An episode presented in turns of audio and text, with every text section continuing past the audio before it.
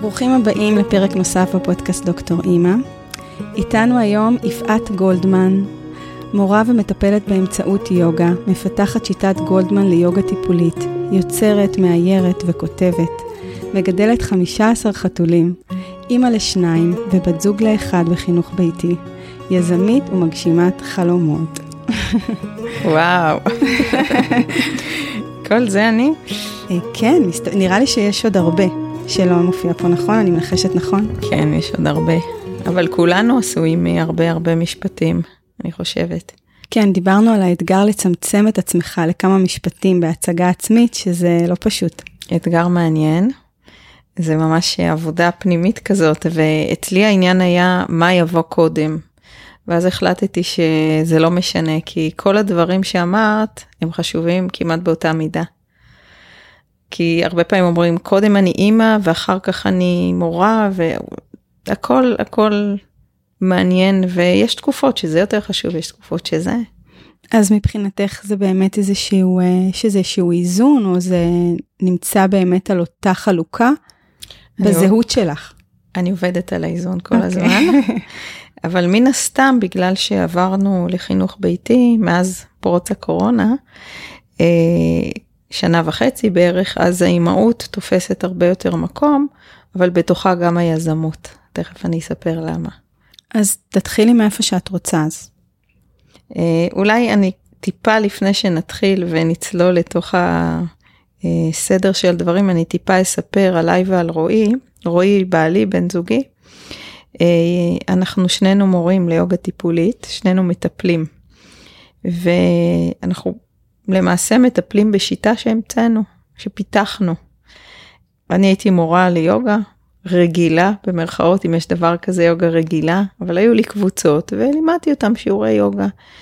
וכשהכרתי את רועי הוא מיקד אותי, הוא היה, הוא איש שיווק, והוא מיקד אותי לזה שאנשים מבקשים ממני ריפוי. באו אליי אנשים שכואב להם וככה לאט לאט אה, היה לי attachment מאוד גדול לקבוצות אמרתי לו אני לא רוצה לטפל אחד אחד אני רוצה קבוצות יש בזה המון כוח יש קבוצה אני אומרת להם מה לעשות הם עושים. אה, אבל אה, הוא באמת כנראה צדק לקח, לקח לי זמן לשחרר אבל באיזשהו שלב התחלתי לטפל. ומתישהו הוא הצטרף אליי גם הוא עבד בשיווק בחברת תיירות. הוא הצטרף אליי ו... ביחד זה התגלגל שפיתחנו את השיטה ביחד והוא עשה בה המון סדר, ארגן אותה, אצלי הכל מאוד אינטואיטיבי, אני עושה דברים שאני מרגישה והוא עשה סדר וככה גם כל אחד מאיתנו מטפל ובזכות הסדר שהוא עשה הצלחנו להתחיל אה, ללמד אנשים אחרים גם איך לטפל. והיום אנחנו התחלנו את ההרשמה להכשרה הרביעית שלנו, אנחנו מכשירים מטפלים בשיטה שלנו. זאת אומרת, מורים ליוגה שרוצים להפוך למטפלים ביוגה. וזהו, אז אני בימים אלו מאוד uh, בטייטל יותר של uh, שיווק. אז אני במוד הזה. אבל אני אשמח אם קצת תספרי מה זה אומר יוגה טיפולית, כי אני חושבת שלפחות אני מכירה יוגה, אבל איך הופכים את זה לכלי טיפולי? תראי, קודם כל, יוגה בעיניי היא כולה טיפולית. אבל פעם, נאמר ב, ב, בזמן העתיק יותר, בהודו, שמשם היוגה הגיעה, היה מורה ותלמיד, לא היו קבוצות. קבוצות זה מין סוג של תיעוש של היוגה. בגלל שיש הרבה אנשים, זה התחיל פחות או יותר מארצות הברית, יש הרבה אנשים, עושים קבוצות, אבל פעם היה מורה ותלמיד, גורו ותלמיד. ואפילו התלמידים היו חיים אצל המורים שלהם ולמדו מהם מתוך, מתוך החיים. ואנחנו היום עם היוגה הטיפולית בעצם קצת חוזרים אחורה למסורת, למורה ותלמיד, למשהו יותר אינטימי. ולקחת את היוגה למקום הטיפולי, זה, אתה בעצם צריך להיות מורה או מורה שיש להם הרבה ידע, שהם יודעים מה לעשות עם כל בן אדם שמגיע אליהם. זאת אומרת, אני רוצה לתת מענה לכל מי שמגיע אליי. אם כואב לו בברך, או אם יש מישהי שיש לה אה, פיברומיאלגיה, כל בעיה פיזית, מנטלית, כרונית בדרך כלל, דברים שלרפואה קונבנציונלית אין כל כך מענה, מגיעים אלינו, ואנחנו עושים להם אבחון, ממש אבחון של תשאול ואני גם מסתכלת על אנשים ואני רואה את היציבה שלהם. ומתוך זה אני בונה להם תוכנית תרגול אישית שתפורה להם במיוחד. וזהו ואז עובדים ביחד זאת אומרת בשבילנו זה לא מטופלים זה תלמידים. והיוגה הטיפולית לעומת שיטות טיפוליות אחרות היא אקטיבית. כלומר אם בשיאצו מישהו בא ומזיז אותי ואני לא בדיוק יודעת מה עושים לי, גם אם אני מאוד נהנית או לא נהנית, אבל מישהו עושה לי משהו שאני לא מעורבת בו, או דיקור או כל שיטה אחרת, פה אנחנו מסבירים בדיוק, התלמידים יודעים מה הם עושים ומקבלים גם תרגול הביתה. והמטרה שלנו היא לשחרר אותם, שילמדו לבד לטפל בעצמם. אוקיי, okay, וזה בדרך כלל אה, מגיע סביב משהו שאותו אדם לא מרוצה ממנו, נכון? זה יכול להיות כאב גב, או אה, אפילו התקפי חרדה זה יכול להיות? בהחלט, כן. זה הרבה פעמים הולך ביחד. נכון. אה, קשה להפריד את הפיזי מהמנטלי, את הפיזי מה, מהנפשי, הרגשי, אולי הרוחני אפילו, אבל לרוב כשמגיעים אלינו זה בגלל טריגר חיצוני, כמו הכי נפוץ זה כאב גב תחתון. אבל יש כל מיני, ואז הרבה אנשים מגיעים אלינו שכבר מאוד כואב להם, אבל לפעמים, לשמחתנו, גם מגיעים אנשים שעוד לא כואב להם, אבל שהם מתחילים להרגיש קצת אולי חלודים, שהם צריכים uh, לעשות לעצמם איזה סוג של טיפול עשרת אלפים או לעצור רגע ולבדוק מה קורה איתי בכל, uh, uh, הש... בכל שטחי החיים. כי יוגה זה לא רק, זה לא משהו טכני שאני רק מלמדת תנוחות וזהו. אנחנו רוצים בעזרת התרגול לטפל גם בנפש, גם בגוף. אנחנו בודקים את האורח חיים, מה אפשר לשנות, מה באורח חיים שלי גרם לפגיעה הזאת. אה, זה יכול להיות כל דבר, אפילו אולי אם אני עושה, עוסק במקצוע שהוא לא טוב לי. אבל כל זה, כל השיח הזה של, ה, של אורח החיים שלי, וזה משהו שהוא קורה ב, ב, במפגש איתכם, מעבר לתשאול, זאת אומרת, זה, אני מנסה להבין כי אני מדמיינת יוגה כמשהו מאוד פרקטי. נכון? זה גם פרקטי. כן. אז איפה נכנס החלק הנוסף? תראי, בדרך כלל מה שקורה זה שזה מגיע מהאנשים עצמם. עכשיו, יש אנשים שהם פתוחים יותר ויש כאלה שהם סגורים יותר. מי, ש, מי שסגור ולא בא לו להיפתח זה בסדר, הוא יכול להישאר רק במקום של התנוחות, וגם אותו איש או אישה שלא בא להם לדבר יותר מדי, הם יקבלו בנפיט לא פחות טוב מהתרגול, כי הם ילמדו אה, איך לנשום נכון. זה גם משהו שהוא פרקטי. לפעמים אני אומרת, זה אפילו לא איך לנשום נכון, זה קודם כל לזכור לנשום. לנשום. נכון? כן, לגמרי. ניקח נשימה. כן. נכון, נכון, אנחנו, הביטוי אין לי זמן לנשום הוא לא סתם uh, משפט. ו... אפשר להתערם גם אם לא נכנסים, אבל גם אה, כש, בתשאול כבר הרבה פעמים האנשים בעצמם יודעים, יש לי הרבה מתח בעבודה, אה, יש, יודעים באיזה תחום בחיים, או שאנחנו ככה טיפה מתשאלים וזה לא נגמר בשיעור הראשון האבחון, אנחנו, האבחון נמשך תמיד בתוך המערכת הטיפולית הזאת. וזהו, ולאנשים משתנים החיים, ממש, כמו שלנו השתנו. כלומר, אנחנו, כל אחד מאיתנו שתרגל והתרגול של היוגה והמדיטציה שינו לו את החיים, אז ככה אנחנו מעבירים את זה הלאה, וגם דרך המורים שלנו שנמצאים בכל הארץ. איך הגעת לזה? תרגלתי יוגה בעצמי, זה המקצוע השני שלי. אה, אני למדתי בבצלאל, אני מאיירת, והייתי מעצבת גרפית במקצוע שלי, ותוך כדי ש... עסקתי במקצוע הזה, אה, הלכתי, ניסיתי, הלכתי לתרגל יוגה בתור תלמידה. והאמת שגם תוך כדי הלימודים שלי בצלאל ניסיתי קצת בירושלים ואף פעם לא התחברתי, אבל איכשהו יום אחד מצאתי את המורה שלי ב, בתל אביב, מצאתי איזשהו מורה במרכז שיבננדה ליוגה.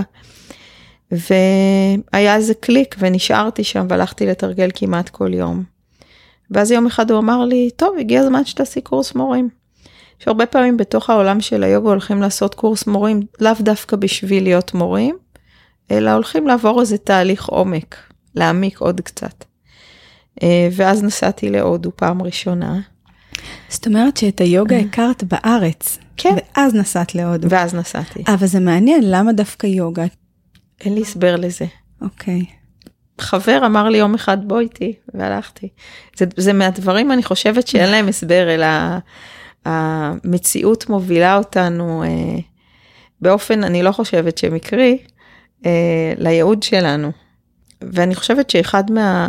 אחת או עם אולי הסיבה העיקרית שבגללה נהפכתי למטפלת לא רק למורה, זה שחייתי המון שנים עם אבא שהיה מאוד חולני, מאוד חולה. היו לו כל מיני סוגים של מחלות וניוון שרירים וזאת המציאות שחייתי איתה.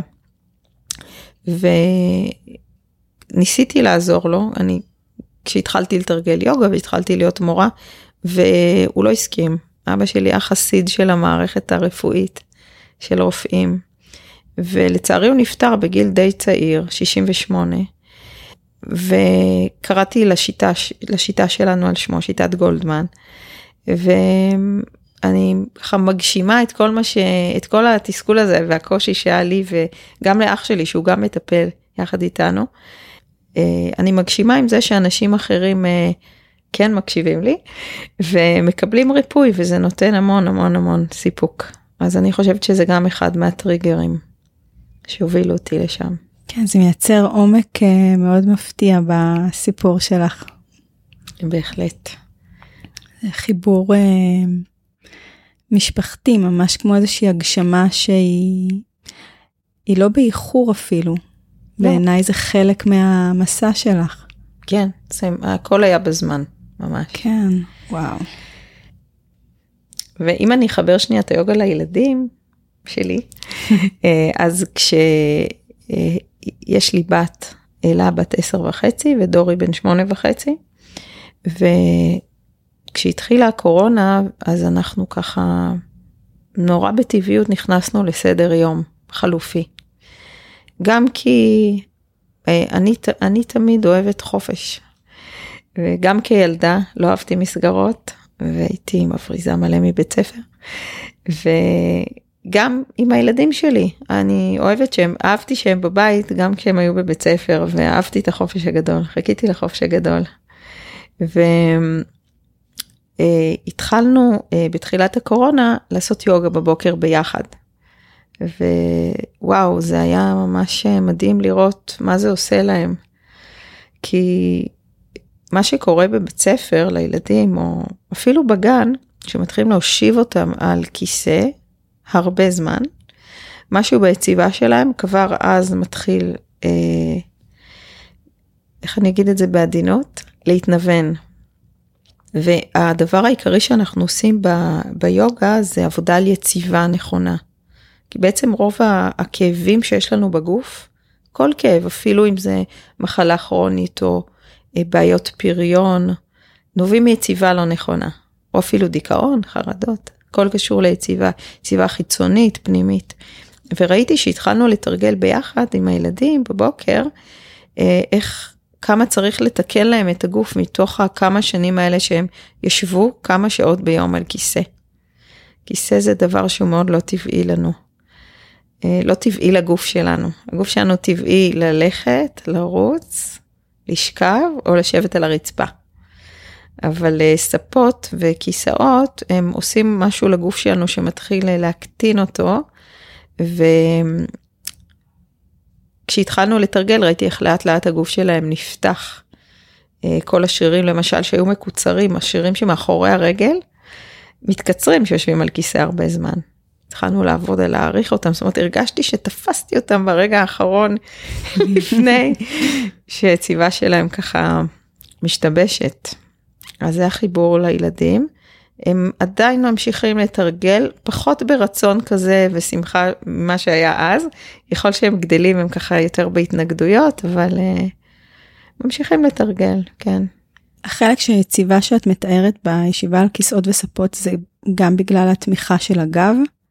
זה משתי סיבות. אחת, את רואה עכשיו שאני יושבת מולך. כן, אתם לא רואים, היא לגמרי יושבת ישיבה מזרחית על הכורסה. אנחנו על כורסאות, אז אה, כשאני יושבת על כיסא, אני משתדלת, אם אני יכולה, אה, לשבת ישיבה מזרחית, ואז בעצם ביטלתי את הכיסא. אני לא, אה, השירים שלי לא מתקצרים. והדבר השני, הוא לא להישען. אני עכשיו נשענת כי אני עייפה, אבל רצוי לשבת בלי להישען, ואז הגב לא נחלש. אה, השירים של הגב פשוט מפסיקים לעבוד כשאנחנו, נח... כשאנחנו נשענים. אז אם אני לא נשענת, הגב ממשיך להתחזק, השירים עובדים כל הזמן. ובטח ובטח לא לשבת כזה, בין, לנזול על הכיסא, כי זה לגמרי מעקם את הגב. אז רצוי כמה שיותר לשבת נמוך, כמו שהילדים עושים, פשוט ללמוד מהם מה שהם עושים, זה נכון. ולהיות פה, בתנועה. פה הם בעיקר רצים, אז זה גם הזכרת שזה בסדר, אז אוקיי. זה לא רק בסדר, זה רצוי. כן, אוקיי. אה, אז אם כבר הזכרת את הילדים ואת הקורונה, וככה גם אמרת את זה משהו ככה, זרקת איזה משהו בהתחלה, אז איך זה היה, המעבר לחינוך הביתי אצלכם? היה מעולה. איך הוא קרה? אני כשזה התחיל, אה, ממש בימים הראשונים, אה, אני זוכרת שהיה יום אחד שבו זה הפחיד אותי, ואז זה עבר. כלומר, מגפה וזה. ואז זה עבר, ואז התחלנו פשוט ליהנות ממש. זה התחיל הרי מסגר, היה ממש בהתחלה סגר, וסגרו הכל, והכל הפסיק ונעצר. אה, וזה היה מעולה בשבילנו. בשבילנו זה היה טוב. יש לנו באמת מזל שיש לנו גינה. ואנחנו גרים ביישוב שהוא, זה לא עיר, לא פחדנו לצאת מהבית, הסתובבנו, יש לנו חורשה ליד הבית, הלכנו אליה כל יום. והיינו, חיינו אה, בשקט, היה מין אה, אפשרות לשחרר את הכל. לא היו חוגים, לא היה חברים לבקר, לא היה שום חובה לעשות. אה, העבודה שלנו אז גם נפסקה לזמן קצר, אחר כך חזרנו לעבוד, אבל עדיין הכל היה הרבה יותר משוחרר ורגוע. ואז התחלנו, אה, באמת יצרנו להם איזה מין סדר יום כזה נחמד ולא נוקשה, שמאז שחררנו אותו עוד יותר, אה, של למידה ו, ויצירה ושל עשייה, סדר יום, פשוט סדר יום נחמד. אני התחלתי לכתוב אה, ממש מהרגע שזה התחיל, העליתי פוסט כל יום בפייסבוק. היה לי צורך לתעד את זה. ועכשיו אני הופכת את זה לבלוג, שאני עובדת עליו כרגע.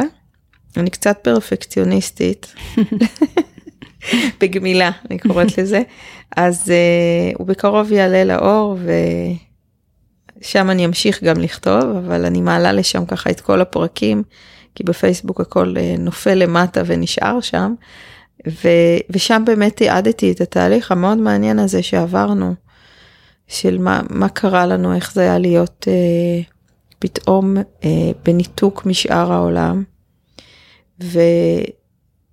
וחווינו מאוד את הטבע, אה, את השקט שנוצר, את הניקיון שנוצר, את הרוגע. ואז אה, הם חזרו לבית ספר לאיזה יומיים והבינו שזה לא בשבילם, הבנו את זה ביחד. ואז החלטנו שחשבנו על חינוך ביתי גם לפני, והתלבטנו מאוד מאוד מאוד, ודיברנו עם אמהות בחינוך ביתי ותיקות, התייעצנו, התלבטנו עם עצמנו, ומהרגע שהחלטנו, כל ההתלבטות נעלמה, זה היה כמו לקחת את הגלולה במטריקס ופתאום התהפכה לנו המציאות, באמת התחלנו לראות את המציאות באופן אחר. ההחלטה הזאת שאת מתארת, אה, מתי קורית מבחינת זמנים?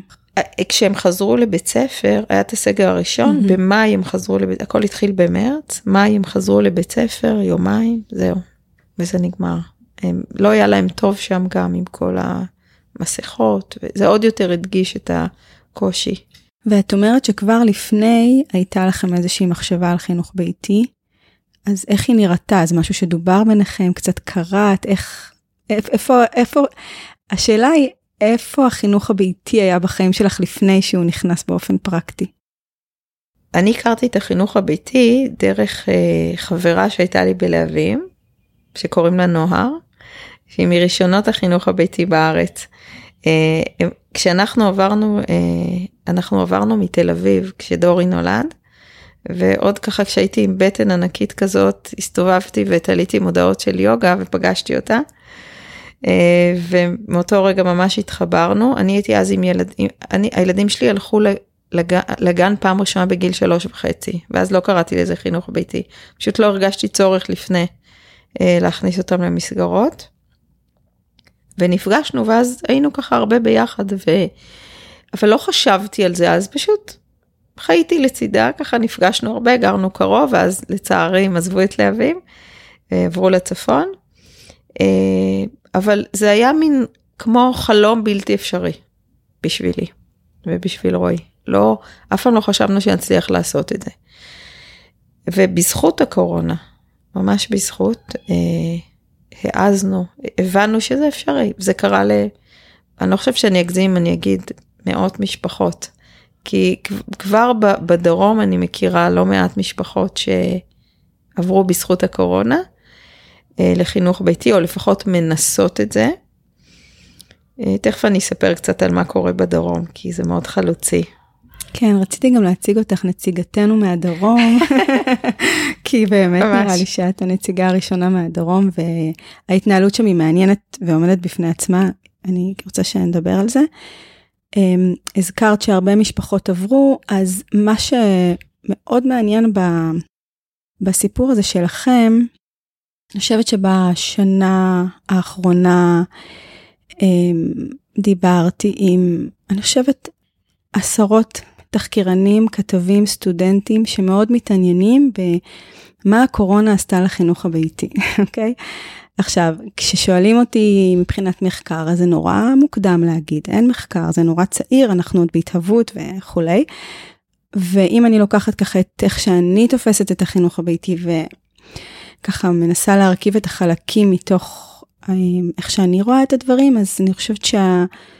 התשובה שכמעט כולם קיבלו זה שלדעתי אין שינוי דרמטי, בעיקר מכיוון שהבחירה הזאת היא בחירה שהיא צריכה להיות בחירה מאוד פנימית, והיא לא תלויה בנסיבות. זאת אומרת שהקורונה, מה שהיא יכולה לעשות, וזה מה שמדהים אותי בסיפור שלכם, שהקורונה יכולה אה, להגשים איזשהו חלום או מחשבה או מציאות שבכל מקרה הייתה איפשהו אצל אותה משפחה בראש, אבל זה כמעט לא יכול להיוותר יש מאין, כי הנסיבות הן לא מספיקות כדי... זה לא יש מאין, זה זהו. בטוח לא יש מאין, ואני תכף אספר על הקבוצה שלנו.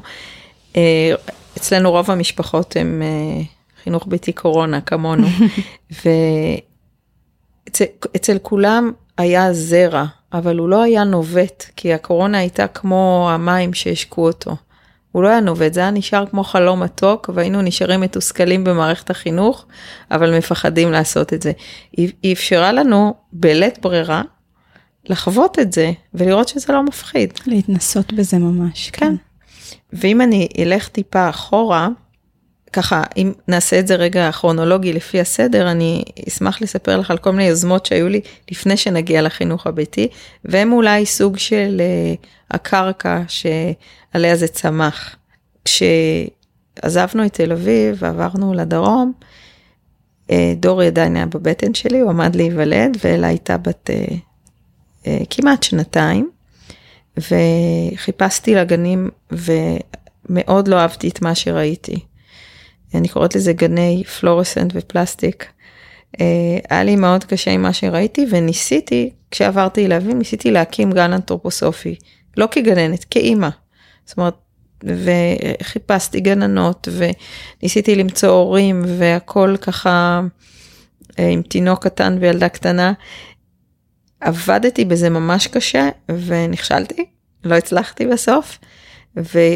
השארתי את אלה עוד שנה איתי בבית עם דורי כשהוא היה תינוק ובסוף בגיל שלוש וחצי כן שלחתי אותה לגן שלא אהבתי וגם היא לא אהבה.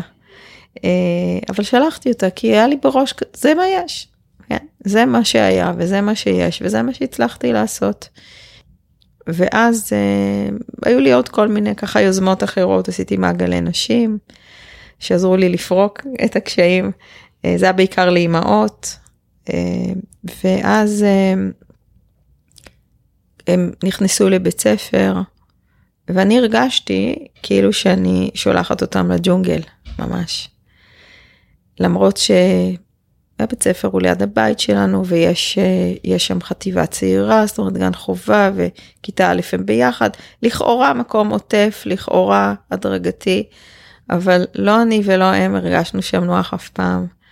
ואני עשיתי המון כדי לנסות uh, לשנות את המערכת. Uh, אחד הדברים שעשיתי זה להביא מיינדפולנס לבית ספר. זה גם היה פרויקט לא קטן, uh, למצוא מורים ולחבר את זה לבית ספר, לתוך מערכת שהיא די נוקשה ולא אוהבת להשתנות, אבל זה הצליח, והיו עוד הורים שעזרו לי וזה קרה. היו גם התנגדויות של הורים שהיה צריך לעמוד מולם. אז את זה עשיתי שנה שלמה ואחר כך עוד שנה אחת הייתי עסוקה בפרויקט שלי. הוא פרויקט ארצי שהצטרפנו אליו שקוראים לו תנו לגדול על שקט. שמעת? עם טלפונים בטח. כן. אז למי שלא שמע זה פרויקט שמנסה לדחות את הרכישה של הסמארטפונים. הצליח לכם? חלקית. הצליח חלקית. אני חושבת שהקורונה טרפה את הקלפים. כן. כי הילדים פשוט ישבו מול זומים והרבה מהם ללא השגחה של הורים. ו... גם התקשורת שלהם אחד עם השני הייתה, זה לא שהם נפגשו בבית ספר כל יום, אז הם באמת הטלפונים עזרו להם גם לשמור על קשר. נכון, וזה... כל, כל המאמצים שעשינו בכל הארץ, זה ממש היה ארצי והיה אפילו כנס, באמת היה מאוד חזק, אבל המאמצים... בסדר, זה מה יש כרגע. הקורונה הביאה איתה גם דברים טובים, גם דברים פחות טובים.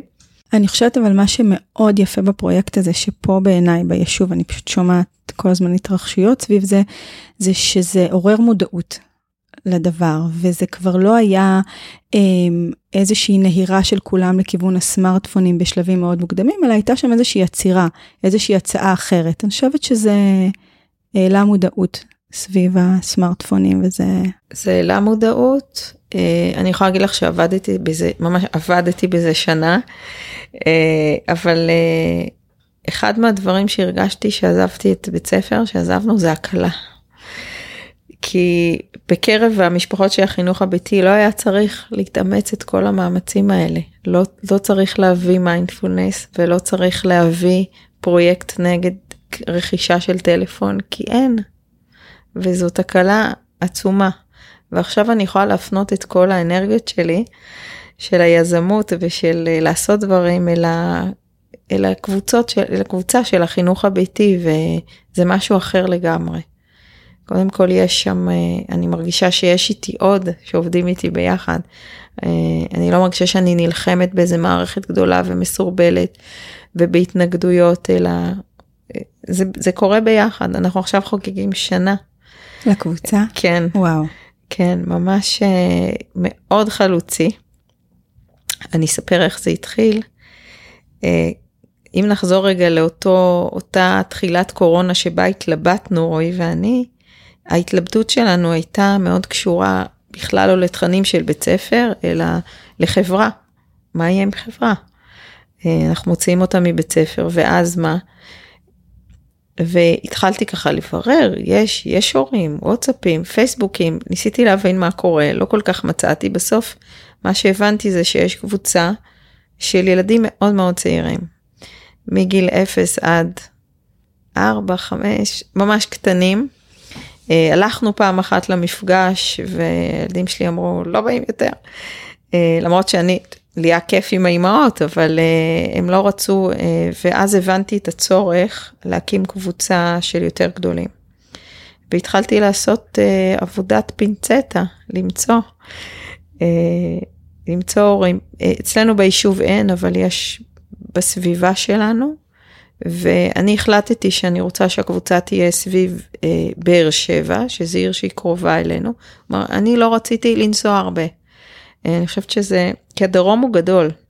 יש משפחות באזור אשקלון, שזה רחוק מאיתנו. יש אשדוד, יש כל מיני אזורים שהם רחוקים מאיתנו, והיה לי צורך שלילדים יהיו, אה, תהיה קבוצה של ילדים קרובים, ובגילאים יותר, יותר קרובים אליהם. אז אה, התחלתי ליצור, בזכות הוואטסאפ, שזה באמת כלי מדהים בשביל הדבר הזה, ואז כל פעם שמצאתי אה, משפחה, אז נתתי להם שמות, איקס, אימא של בני ככה וככה, מפה ופה, יש לי שמות מאוד ארוכים לכולם, כדי שאני אתחיל לעשות סדר, ואז יצרתי את הקבוצה ואמרתי, יאללה, מפגש ראשון. אה, זה היה באוגוסט, שנה שעברה. ממש שנה עוד מעט. שנה, כן, וואו. 15 לאוגוסט. וואו. ונפגשנו באיזה יער נחמד לידינו, והגיעו מלא מלא. מה זה מלא מלא? כמה מלא. משפחות? 12 בערך? אה, 30 ילדים היו. אני אוהבת לספור. זה אני- מלא. כן, במושגים בשביל משהו קבוצה. שהוא- כן, בשביל משהו שהוא ראשוני, כן. נכון, וגם אמרת שהיה חשוב לך שהגילאים יהיו גילאים כן. יחסית גדולים. כן. והזכרת קודם שהקבוצה הייתה אה, חינוך ביתי קורונה, כולם היו חינוך ביתי קורונה? הרוב. הרוב. אה, מתוך הקבוצה הזאת, אה, בוא נאמר, מאז אה, נוצר יותר גר- גרעין יותר קשה. אני קוראת לו הלב של, של חנה בדרום אנחנו קוראים לעצמנו אז הלב הגרעין הקבוע זה בסביבות אה, שמונה משפחות שבע שמונה ויש עוד כאלה שבאים הולכים יש כמה משפחות חדשות שעכשיו אני מקווה שהם גם אה, יתווספו אה, משמח אותי שזה לא קבוצה גדולה מדי דווקא כי אני חושבת שזה טוב לילדים ש 20 20 25 ילדים זה סבבה. יש גם כמה אחים קטנים יש כמה גדולים. זאת אומרת זה לא שזה לא רב גילאי. זה רב גילאי אבל זה מתאים אה, לילדים שהם בבית ספר. כי אה, אה, יש להם אה, ככה מה שנקרא קבוצת השווים.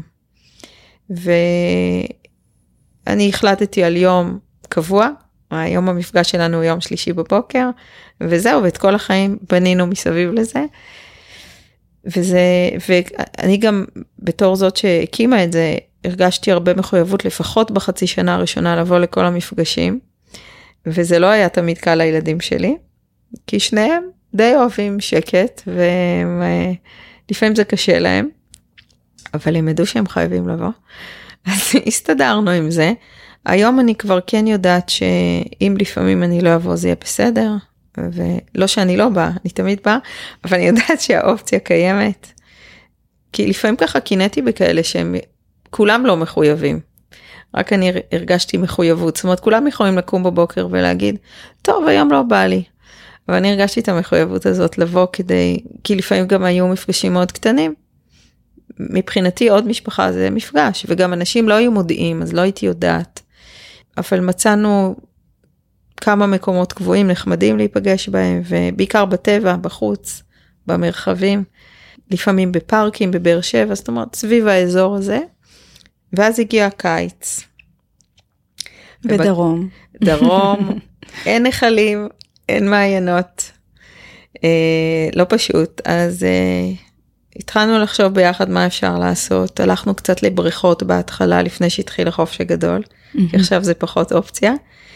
אה, אבל רועי בן זוגי שהוא יש לו הוא באמת יצירתי סופר הוא אמר למה לא תלכו לשאול מתנסים אולמות ספורט כאלה וזה מה שעשינו ועכשיו אנחנו נפגשים במקום שהוא נורא נחמד וממוזג ויש בו כל מיני משחקים ואנחנו מסתדרים זהו זה זה קורה כל שבוע.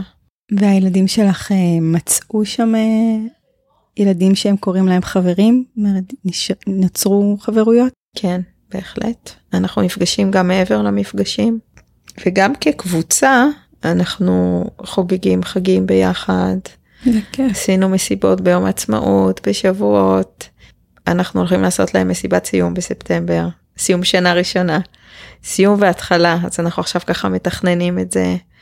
יהיה כזה טאלנט שואו, מופע שכל ילד מראה מה, מה הוא עושה. יש לנו המון ילדים שרוקדים, מנגנים, מאוד יצירתיים. וניתן להם תעודות וספר מחזור כזה אבל אחר כן זה מקסים. זה ממש אה, אה, סממנים שהם מכירים, שאתם מכירים ואתם מכניסים את זה לתוך הקבוצה. אה, דברים שמוכרים כביכול מהמערכת, אבל זה החלק הכל כך אה, יפה. כן אני זוכרת שכילדה לא אהבתי את הבית ספר אבל מסיבות סיום זה מרגש. יש בזה משהו מאוד אה, אה, נכון בעיניי. אה, לסגור תקופה ואנחנו ממש מרגישים השבוע עשינו פעם ראשונה מפגש רק של ההורים זה משהו שרציתי לעשות מזמן. אספת הורים. אספת הורים. לא חשבתי על זה ככה. קונספט מוכר. וואו כל כך לא. אבל זה היה אסופה של הורים. אוקיי. אה, אבל אני, אני הרגשתי מזמן רצון לעשות את זה, ואז הבשיל הרגע, והייתה אימא שאמרה, יאללה, בואו, אני רוצה לדבר על דברים, ועשינו את זה. והיינו איזה שמונה הורים, תשעה, משהו כזה. רגע, את אומרת הורים, יש יחס אבות אמהות, או שזה... יש אצלנו יחסית הרבה אבות, אני חושבת. אה, יחסית, כן. יש כמה אבות ממש קבועים שמגיעים, וכמה פחות קבועים, אבל יש, יש לא מעט. אוקיי. Okay. ממה שאני שומעת על קבוצות אחרות, אה, יש לא מעט. ובערך שליש, משהו וואו. כזה. כן, זה ממש הרבה. מכובד. כן. ייצוג מכובד. כן. אז, אז נפגשנו, ו... והייתה לנו פגישה ממש טובה. קודם כל זה כיף קצת גם להיפגש בלי הילדים. משפטים שלמים וזה... בדיוק. רעיונות שלמים, אף אחד לא כן, קוטע. כן, כן, זה שונה. אז היה, היה לנו מפגש מאוד פורה, ועלה גם העניין שאומנם הילדים זה נורא כיף שהם משחקים משחק חופשי, כי זה בדרך כלל מה שקורה במפגשים, אבל יש איזשהו צורך טיפה יותר אה, ללמוד להכיר אחד את השני, קצת יותר לתת מענה רגשי, לא רק להשתולל. כי יש ילדים שזה מתאים להם ויש ילדים שפחות. ובאמת עברה שנה, אז אנחנו עוברים איזו אבולוציה כזאת שצריך להתחיל להתקרב יותר, אה, להכיר יותר. אז מה שהחלטנו לעשות זה מעגל הקשבה קטן בתחילת כל מפגש, קטן, כשאני אומרת קטן מתכוונת קצר. כן לתת להם את המקום של המשחק החופשי, אבל כן לשבת ביחד. זה איסוף ו... כזה. כן. ושכל אחד יוכל להגיד משהו על עצמו, משהו קטן. לא חפירות, אבל להגיד משהו, הם אפילו לא כולם תמיד יודעים את השמות, כי יש חדשים, ו... אה, אז אנחנו מתחילים לנסות את זה מהמפגש הבא. נהדר, זה אומר שהשנה עכשיו, השנה הראשונה שהייתה, הייתה בעצם איזושהי אה, התנהלות ספונטנית, נפגשים. ו... כן. תראי, אני כן, כשהקמתי את הקבוצה, היו לי, וואו, חלומות, רעיונות, אבל כשאת נפגשת עם המציאות, אז המציאות היא אה, אחרת בדרך כלל. וזה בכל מה שנוגע לחינוך ביתי, לא רק בקבוצות. גם מה שחשבתי על חינוך ביתי עם הילדים שלי, הוא אחר במציאות. כי הם אה, מלמדים אותנו שזה עובד אחרת. כל הזמן. כל הזמן, אבל בחינוך הביתי יותר. נכון. הרבה יותר. אז גם בקבוצה זה קורה בקטע קבוצתי. היה לי בראש, כן, ככה להפעיל, אבל הם מפעילים את עצמם. הם יודעים לעשות את זה. מדי פעם צריך להכיל משברים של הילד ההוא והילד הזה, אבל הם חוזרים בחזרה, הם נאספים בחזרה, והם יודעים לעשות את זה נורא יפה. שוטרים וגנבים וכולי. כן. זה קורה טבעי לכולם. זה חוצה בכל הארץ נראה לי, כל המשחקים. ממש. הזכרת קצת קודם את המחויבות הקבוצתית של להגיע ולא להגיע. נגעת באיזושהי נקודה אה, שהיא איזושהי מורכבות של, שהרבה קבוצות חוות אותה, את ה, באמת את ה, עד כמה אני מחויב להגיע למפגש שנקבע ועד כמה אני נאמן למה שקורה פה בבית. אם ילד אחד קם בלי רצון ללכת, אם אני קצת לא מרגישה טוב, פתאום אמא שלי קופצת ועוזרת לי באותו יום, את יודעת, החיים הם מאוד דינמיים. אה, ובאמת הרבה קבוצות מדברות על זה, זה שיש קושי במקום הזה. אה, אז זה משהו ככה קצת שהזכרת, ורציתי לשאול אותך אם כבר בשנה הזאת שהיא גם שנה ראשונה ויש בה המון התרגשות והמון אופוריה, אם נתקלת בעוד מורכבויות אה, שמאפיינות... אה, אין בה המון אופוריה, אני אתקן אותך. אין, אוקיי. ככה, לא, ככה זה, התרשמתי. זה כיף, אבל לא אופוריה. אוקיי? זאת כן. אומרת, אה, כל הזמן המציאות מביאה דברים, זה מאוד כיף ומשמח, אבל אני לא מרגישה באופוריה. אוקיי. כאילו, זה מאוד down to earth, to earth כי הילדים, כולם כל הזמן אה, מחזירים אותנו לקרקע. אה, אבל אה, מה בעצם הייתה השאלה שלך? רציתי על מחויבות. לבדוק איתך לא רק על מחויבות, בכלל על אתגרים שאת מזהה בהתנהלות הקהילתית. אה, משהו מעניין שאחת האימהות אמרה באספת הורים שעשינו, שמשהו שקורה בכמה חודשים האחרונים, והם היו די מההתחלה, זה שאם בהתחלה היא הייתה צריכה קצת לסחוב אותם, עכשיו הם סוחבים אותה. למפגשים, זאת אומרת, ועוד עם כמה אימהות אמרו שזה קורה להם, שהם הילדים בבוקר, הילדים מחכים למפגש. גם לילדים שלי זה כבר קורה. הם מחכים למפגש, זה משהו שמרגש אותם ושהם מצפים לו. אז, אה, אז עכשיו הילדים אולי יוצרים את זה, את המחויבות, אה, לא יודעת אם לקרוא לזה מחויבות, את האיסוף הזה, כי אני ידעתי שאני, ובהתחלה לי הרבה יותר קשה, כי ככל שהקבוצה התגבשה, אנשים יותר באו, בהתחלה פחות באו, ואני צריכה להחזיק את זה ממש בכוח קצת, אה, וזה לא היה קל גם. אבל עדיין, אני, יש הורים שאימהות, אבות, היום, לא, היום קמנו על צד שמאל, היום לא בא לנו לצאת מהבית, היום אנחנו חולים, בריאים, לא יודעת. זה קורה עדיין, אבל פחות. ועדיין, אני אומרת שמבחינתי, גם שתי משפחות זה מפגש. וזה מגוון, פעם גדול, פעם קטן, אבל זה כמעט לא קורה כבר המפגשים הקטנים, זה די קבוע. ואמרת שאת לא באופוריה, אז, אז אני... טוב לי בלי אופוריה. כן.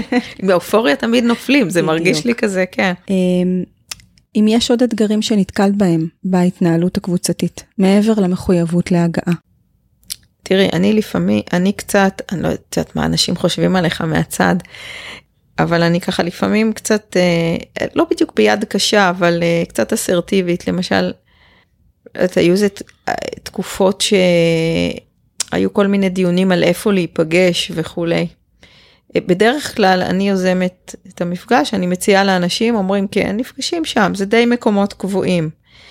אה, ואז התחיל דיון יותר מדי אה, דיוני בקבוצה, יותר מדי דעות, כי באמת מה שקורה היום בקבוצות וואטסאפ הוא לא פשוט, כשיש יותר מדי דעות, מישהו צריך שנייה לאסוף ולהגיד מחר נפגשים במקום X ולסגור. זה דבר ראשון, אבל זה קרה נורא מעט. שהיא צריכה להחליט בשביל כולם משהו. כן. אוקיי. זה דבר ראשון. ודבר, אבל זה באמת, זה איכשהו מסתדר, כי זה באמת אוסף של אנשים, של אחלה אנשים, ויש בינינו, זה ממש משפחתי נהיה. חיבורים מאוד טובים. והעניין השני הוא איך, אה, למשל עכשיו שהגיע הקיץ ורצינו אה, אה, ללכת לבריכות או מקומות כאלה, אז לא לכולם, לא כולם יכולים לשלם, ואז אנחנו צריכים באמת להיות כאלה יותר, להתאים את עצמנו ליכולות של כולם, ו... לעשות מין adjustment כזה, לבדוק איך אפשר, כי זה באמת הקיץ בדרום מאוד מאתגר. ואנחנו רוצים גם להמשיך להיפגש וגם לתת להם להשתולל. אז uh, הייתה פעם אחת שהתפצלנו, מקווה שזה לא יקרה יותר, שהלכנו לבריכה והיה תשלום בכניסה יחסית גבוה, וחלק מהאנשים הלכו למקום אחר. אבל אני אגיד שאני מבחינתי, לי חם, אני בן אדם שחם לו. ולעשות מפגש עם ילדים בחום, זה סיוט, עדיף לא לצאת מהבית, ורציתי שזה ימשיך. אז באמת הרבה יצירתיות, אני מרגישה שזה מה שצריך כדי למצוא פתרונות אה, נעימים ואפשריים, אבל חוץ מזה. נגיד חילוקי דעות על אה, מה אוכלים או איך חוגגים חגים, זה משהו שנתקלת בו? ממש לא. יוצא שיש יש הרבה זרימה בקבוצה. קבלה של מגוון אה, קולות כאלה? כן, כן. דווקא אנחנו השונים קצת, כי אנחנו טבעונים, ואין הרבה.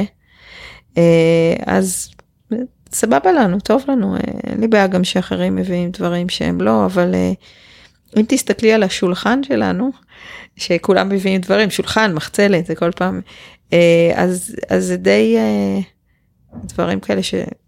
את יודעת, יש קצת חטיפים, קצת אוכל בריא, כל אחד מוצא את uh, מקומו. מגוון. כן, אבל אין חילוקי דעות. אני שמעתי uh, כל מיני דיבור של אימהות מקבוצות אחרות על חילוקי דעות. לא, ממש uh, לא, לא קורה. טוב, מרוככים היוצאי קורונה כנראה. לא, אבל יש גם כאלה שהם לא. לא דווקא אני, אני רואה דווקא את האימהות ש... היו עם זה תמיד הרבה מאוד זורמות כי כן. הן רגילות להיות עם הילדים שנים בבית. אני כן חושבת שבעיקר אימהות של חינוך ביתי מאוד דעתניות אם יש משהו אה, כן משותף, את אמרת שאין הרבה, או אין בכלל, אבל אם יש כן משהו משותף, זה דעתנות ואינדיבידואליסטיות. זה דווקא אה. כן נמצא שאימהות בחינוך ביתי, הם, יש באישיות שלהם חלק מאוד אינדיבידואליסטי. ואז כשזה פוגש קבוצה, יש פה איזה חיכוך. אז אין חיכוך, אני ממש שמחה להגיד, כן, האמת לא חשבתי על זה, כן. ניסינו פעם קצת לפגוש קבוצות בתל אביב, כי אנחנו נמצאים שם הרבה, אבל זה פחות זרם, כי אני חושבת שאם לא באים קבוע לקבוצה, נכון. אז לא נוצר הקשר הזה, הפעם בשבוע לפחות, זה עוגן מאוד חשוב. ממש. ואיך זה בשבילך אחרי כל כך הרבה, או לא כל כך הרבה, אבל אחרי שנים שהילדים במערכת, גם היו שנים ששניהם היו. כן. אז איך זה בשבילך לחזור להיות 24/7 איתם? קודם כל אני עובדת, אז אני לא 24/7 איתם. איך זה מתחלק ביניכם? אני ורועי ממש, אנחנו שוויונים לגמרי בחינוך הביתי, אה, למרות שהוא עובד יותר ממני, הוא מלמד יותר ממני, והוא חצי שבוע בכלל לא נמצא. חצי שבוע אני עם הילדים והוא בתל אביב, אבל אני חושבת שעברנו איתם לחינוך ביתי בגיל מאוד נוח. הם לא קטנים מדי והם לא גדולים מדי. זאת אומרת, הם לא גדולים מדי בשביל לא, לא פתאום להתרגל אה, להקשיב לנו וללמוד איתנו וכאלה, אבל הם גם לא כאלה קטנים שצריך להשגיח עליהם כל הזמן. דוריה בן שבע, שבע, שבע וחצי ואלה בת תשע, אז אה, הם פתאום התגלה לנו, כשכל הסיפור הזה התחיל, כמה טוב להם לשחק שעות עם עצמם, ביחד. גם לפעמים לחוד, אבל הם יכולים ביחד. הם במשחקי דמיון, לגו, בלי לגו, עם כל מיני שעות. ואז בזמן הזה אפשר לעבוד. אה, וגם יש, יש לנו שיעורים מובנים בתוך השבוע שהם יודעים שהם נמצאים והם צריכים להיות בשקט. הם לא תמיד בשקט, אבל כל התלמידים שלנו יודעים שאם מדי פעם שומעים איזה צרחה, זה בסדר, זה חלק מהעניין. ואם אם כשהם היו בבית ספר, אני, היו ימים שהם אה, רצו להישאר בבית או לא הרגישו טוב, ואני הייתי כזה נלחצת, מה יהיה? היום אני פתאום מבינה שלא הייתי צריכה להילחץ, כי אין בעיה. אפשר לעשות את זה לצידם, ואנחנו גם גרים צמוד לאימא שלי, אז היא נמצאת לחירום, אבל באמת שלא צריך, כי הם, אה, הם, הם, כשהם יוצאים מהמסגרת, הם, גם הם פתאום מבינים שהם יכולים לעשות הרבה יותר ממה שהם חשבו. יש להם הרבה יכולות. דבר נוסף זה שאנחנו מגלים את עצמנו גם עכשיו, ב... זאת אומרת, כולנו יצאנו לחינוך ביתי, זה לא רק הילדים יוצאים, זה כל המשפחה. וזה שיפר בבית כל כך הרבה דברים. זה לכאורה נשמע הפוך, כי כשאת בתוך המערכת, את רק רוצה שהילדים לא יהיו בבית. ואז פתאום שהם כל הזמן בבית, דברים אחרים קורים, משהו אחר קורה. קודם כל, כל הקונסטלציה המשפחתית, כל החיבור שלנו כמשפחה מאוד מאוד מאוד התקרבנו. זה מזכיר, אנחנו היינו כמה פעמים בהודו, כל פעם חודש. עם הילדים גם? כן, כן. זה כיף. דוריה בהודו בגיל שלוש וחצי, פעם ראשונה. וזה נורא מזכיר לנו את הטיולים, כי להיות יחד כל הזמן, זה מאוד מגבש, אז לא צריך לנסוע לחו"ל, אפשר גם פה. זה מאוד מגבש, פתאום לומדים להכיר אותם. כמה את יכולה להכיר ילד כשהוא חוזר חבוט? בדרך כלל הם, הם היו, הם לא היו בצהרון אף פעם, אבל ילד חוזר באחת וחצי, ארבע, חמש, הם חוזרים מבית ספר חבוטים, הם צריכים זמן התאוששות. אין להם ממש, יאללה אבא בוא נשחק קטן, לא היה להם כוח לדברים האלה. עכשיו פתאום יש רעננות כזאת שבא להם לעשות דברים. יש להם כוח גם ללמוד ביחד, גם לשחק, וגם המשחק והלמידה הם ביחד, זה כבר פחות נפרד. וגם אנחנו מרגישים שזה מאוד שיפר לנו את הזוגיות, יש פחות מתח בבית. פחות ממהרים, פחות מאחרים. אני לא אגיד שזה רק אידיליה, יש גם קשיים לגמרי. אנחנו לא באופוריה, החלטנו על זה כבר לא, קודם. אנחנו נהנים על האדמה. לי למשל אישית מאוד קשה עם בלאגן. ושכל הזמן הילדים בבית, וואו, זה סופר מאתגר אותי. כל הזמן כלים בכיור. כל, כל, כל מה שאנשים חוו בסגרים, אנחנו כל הזמן מתמודדים עם זה. לראות את התחתית של הכיור, את התחתית של הסל כביסה. זה לא. אה, אז, אז ללמוד לחיות עם זה ולנשום, וכן ללמוד, אנחנו כל פעם ככה מחדש מנסים לארגן את הבית ואת המרחב שאנחנו חיים בו ולומדים בו בצורה כזאת שיהיה יותר מסודר, יותר מאורגן, כן לאפשר להם לפעמים שכל השטיח בחדר יהיה מלא לגו, אבל לתקופה מוגבלת, לאסוף מתישהו. אמ, זה, אז, אז זה, זה מאוד שיפר, אבל הרבה דברים, עם, כל, עם הקשיים, זאת אומרת, כשעושים את ה... כשלוקחים את המאזניים, אז ברור שהרבה יותר טוב בבית, וגם הרבה פעמים אנשים שואלים אותי, אמהות של חינוך ביתי, אותן שאלות מקבלות כל הזמן. זה כמו עם הטבעונות, אני כבר רגילה, זה אותן שאלות. אמ, וואו, זה לא קשה שהילדים כל הזמן בבית, אז אני אומרת שזה לא אותם ילדים. זאת אומרת, הם מתנהגים בצורה אחרת מזאת שהם התנהגו, כי אם הם, הם היו חוזרים מבית ספר מתוסכלים ועם קושי, כי הם לא ביטאו אה, תסכול, או לא ביטאו רגשות, כי לא היה מי שישמע אותם, כי באמת, מורה הכי טובה שתהיה עם 30, בין 30 ל-40 ילדים, לא יכולה להכיל. ויש אלימות, ויש ילדים צועקים, ויש, זה, זה לא קל, אז אתה חוזר הביתה, אמ, צועק לפעמים, מוציא תסכולים, אחד על השני, האחים, אה, כל זה נעלם. יש יותר רוגע, יותר אה, יושבים, קוראים בשקט, כאילו, יש את הזמן של המשחקים, אבל לא, אה, כשמבטאים את הרגשות, אז... הכל יותר זורם, יותר חלק, אז זה אחרת, אז לא בא לנו כל הזמן ש, שהילדים יהיו מחוץ לבית, אנחנו סבבה עכשיו, כל ה... יש את ההיסטריה הזאת תמיד לפני החופש הגדול של ההורים, מה יהיה, מה יהיה, קייטנות וזה. ואני חושבת שאנחנו היינו בראש הזה גם לפני שיצאנו לחינוך הביתי, כי אני למשל כל אוגוסט הייתי לוקחת חופש ונוסעת עם הילדים בכל הארץ, היינו נוסעים ושנים כל יום. במקום אחר אצל חברים, משפחה, אה, וחוזרים הביתה בסוף אוגוסט או בסופי שבוע. אהבתי את הזמנים האלה איתם ביחד, עם כל האתגר שבזה. זה מאוד אה, מרענן לשמוע את מה שאת אומרת, כי בעצם את עברת את הגדה, היית במקום מסוים, עם כל החששות והשאלות שהיום מפנים אלייך, ואת מספרת, את, את, את באיזשהו אופן אמרת גם אה, מקודם, אמרת ברגע שהחלטנו היה איזשהו שקט, ואז את אומרת דברים ש... ש... שלפני שעוברים למקום הזה, אי אפשר לתפוס את מה שאת אומרת, שזה ילדים אחרים, שיש התנה... ש... שאתם והם כולם משתנים בתוך הסיטואציה, שאתם לומדים על עצמכם, שהזוגיות משתפרת. זאת אומרת, כל מה שאת מתארת הוא כמעט בלתי נתפס למי ש... שלא, שלא חצה את, ה, את הדבר הזה, או שמהצד, כי זה בעצם נופל על כל החששות. מה יהיה, עם, איך, נכון. הם, איך הם ילמדו, איך הם יסתדרו, איך, איך נהיה איתם כל היום, מה, את יודעת, מה יהיה עם הזוגיות, מה יהיה עם, את יודעת, אז... Mm-hmm.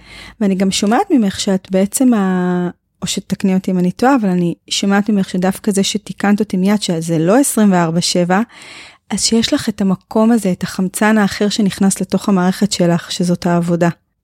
גם העבודה ולא רק, אבל כן, אני מאוד אוהבת את העבודה שלי. ומשהו שעשיתי השבוע פעם ראשונה, אני uh, יצאתי לעבוד בחלל של חלל עסקי כזה שמזכירים בו, כן, אז לא קוראים לזה ווי וורק, זה מקום מקסים שבנו עכשיו בלהבים, קטן, אינטימי, עם כמה משרדים וסלון, ואני יצאתי לשם לעבוד, והרגשתי שאני בחופש. וואו. אני חושבת ש-20 שנה לא עבדתי מחוץ לבית, גם לפני שהילדים באו איתי עצמאית הרבה שנים. וזה אפילו אם אין ילדים זה משהו אחר לעבוד מחוץ לבית. אין כביסה אין אין כלום. אתה אין, לא רואה לא את הדברים מול העיניים כל הזמן. זה... את, את בפינוק כזה שהמאמץ היחיד שלי היה להרים את הרגליים שהמנקה שטפה. אה, תענוג אני כל כך הרגשתי שאני בנופש למרות שעבדתי. יוצאת לעבודה. כן. כן, למרות שעבדתי, אה, טוב לי עם זה כדבר זמני, כי אני רק עכשיו אה, אה, עושה שיווק להכשרה שלנו, לכן אני צריכה את החודש-חודשיים האלה, אבל זה פשוט תענוג. אה, איך הבית נראה אחר כך? לא נדבר על זה. אבל... לא, אבל, אבל זה אפשרי, זאת אומרת, אה, אז אני גם נכנסת לסטודיו ומלמדת ואני יודעת ששם אה, לא יפריעו לי. וגם התחלתי עכשיו לצאת מהבית וזה באמת היה כל כך סמלי השבוע כי היה איזה בוקר שאמרתי אה, אני חייבת לצאת היום לעבוד והיה לי בוקר איטי כזה ולא הצלחתי לצאת וכל רגע היו צריכים ממני משהו ואז הבת שלי הסיטה משהו על השולחן ובום טראח נפלה תבנית פיירקס ענקית והתנפצה בכל המטבח ואמרתי לא אכפת לי מכלום אני הולכת. יצאתי מהבית והגעתי לשם לשקט למזגנים לרחש. יש ואקום. כן אסור אסור להיות שם אה, ברעש כולם צריכים להיות בשקט כי זאת אומרת יש מקום שאפשר לדבר בטלפון ותענוג ממש אני וגם לעבוד רצוף זה משהו שלא עשיתי המון זמן לעבוד בצורה רצופה להתרכז כמה שעות. זה מאוד נחמד יש עוד כמה הפוגות זה משהו שרציתי להגיד קודם ועכשיו נזכרתי. עוד דברים שככה אני מרגישה שאני עושה עכשיו בזכות החינוך הביתי ובזכות הזמן הזה שאני ממילא עם הילדים ואני מרגישה שאני יכולה לעשות דברים כיפים עם עצמי לי מאוד חשוב שהם יהיו חשופים ליצירה אה, זה יכול להיות מוזיקה, שירה, אה, נגינה, אה, ציור, פיסול, כל דבר. אז אנחנו עשינו לנו חוג קרמיקה משלנו, ארבעתנו. אנחנו הולכים לתלמידה שלי ואנחנו עושים אצלה קרמיקה וזה פשוט כיף ברמות. הם זורמים, הם אוהבים? כן. איזה כיף. היא יודעת להזרים אותם, היא טובה בזה. היא גם מטפלת והיא גם מורה לקרמיקה. אז היא עוזרת לנו בזה שהיא דואגת להם שהם יעשו את הדברים שלהם ואנחנו עם הדברים שלנו. וזה מדהים לעבוד עם חמר, זה אדמה. זה ממש כיף. ועוד משהו זה שאני לומדת לתופף, אז זה ממש כיף. יש לנו בית קצת מוזיקלי, כי רועי מוזיקאי. אה, הוא עשה תואר שני בלונדון באומנות הצליל, והתואר הראשון שלו זה ארכיאולוגיה והיסטוריה, ויש לו המון ידע, המון המון המון. הוא היה באידיאלי לחינוך ביתי. את יודעת, זה לפעמים אה, צריך את הגשר הזה גם בין הידע לבין היכולת והרצון. אה, הגשר קיים. יופי, מעולה. לא, תראי, זה גם היה לפני, כי הם ידעו שהם יכולים לשאול אותו, אבל לפני הם היו פחות פתוחים לשמוע. רק פעם ב, אבל עכשיו הם הרבה יותר פתוחים לספוג, כי הספוג קצת נסחט והוא לא מלא. והם אה, ממשיכים, יותר בא להם, הם שואלים הרבה וזה משהו אחר. אז, אז רועי למד, אז הוא יודע הרבה על אה, ארכיאולוגיה והיסטוריה והרבה תחומים, מדעים, והוא אה, גם מנגן על כמה כלים, הוא מנגן על סיטר ועל אה, גיטרה וטוף ודיג' ואלה מנגנת על כינור. ודורי עכשיו מחפש את הכלי שלו, אולי זה יהיה פסנתר או קלידים, ורועי מלמד אותי לתופף. Hmm. אנחנו הולכים הרבה למעגלי שירה, לשיר, לנגן, זה מאוד כיף. אז... אה, וזה גם... משהו, גם את מזכירה את זה כמשהו חדש שקרה? כן, וואו. כן, כן. איפה יכולתי לחשוב לפני שיש לי במרכאות זמן לשבת, לתופף? כל מושג הזמן אה, משתנה, נכון? ממש, ממש. אה, משתנה. זה לא שיש יותר או פחות, נכון, זה פשוט... זה משתנה. משהו אחר, אני חושבת אולי יותר ספירלי, לא ליניארי בכלל. אה, ואין, באמת, זה משהו אחר, וזה מאוד מרגיע לחיות ככה. זה אני חושבת גם הייתה אחת התמורות למי שיכול היה ככה לקבל את זה מהקורונה, שהיא בעצם הכניסה את כולם לאיזשהו אה, state of mind אחר מבחינת זמנים, ויש מי שזה יכול מאוד להבהיל אותו, אבל מי שככה נח לתוך זה, זה לגמרי, אני רואה תנועה ספירלית של זמן. ממש. לי יש, אני רציתי, תמיד חלמתי לצאת לפנסיה בגיל 40. אז uh, יש משהו ב, בחינוך הביתי כמעין יציאה לפנסיה כזאת. כי את פתאום מבינה שאפשר. אבל מי ששומע אותך לא מבין מה את כאילו, על מה את מדברת. מנסה לגשר ביני לבין מי שמקשיב. כן, כן. אני אנסה להסביר את זה אולי. כשנמצאים עם הילדים בבית, בהתחלה באמת חשבנו, שיעור חשבון, שיעור עברית, עשינו את זה ככה בהתחלה, ואז לאט לאט זה, מת, זה מתמוסס, זאת אומרת, בזכות הילדים. הם uh, נותנים בראש, כי אי אפשר, הם מתנגדים, אי אפשר uh, להעתיק את בית ספר לבית. וזה מה שאני מנסה להסביר לכל מי ששואל אותי על חינוך ביתי. ישר בראש אנשים חושבים זה בית ספר קטן בתוך הבית.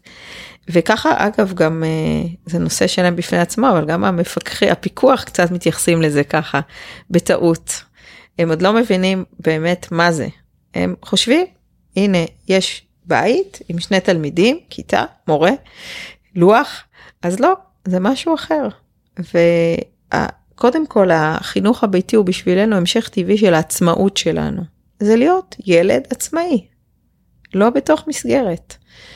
אה, זה לא מבהיל, זה לא מפחיד, זה אפשרי, כי ילדים באופי שלהם הם חופשיים, והם סופגים כל הזמן ידע מכל מה שקורה מסביב. לא רק ממחשב, לא רק מספרים, מכל דבר, מהטבע, מאנשים אחרים, מהכל, מהכל, מהכל, וזה פשוט מדהים לראות את זה. זה מדהים לראות את זה גם, כמו שאמרת, עשינו את הסוויץ', כן? לא נולדנו לתוך זה. ראיתי אותם לפני, וראיתי את התהליך אחרי.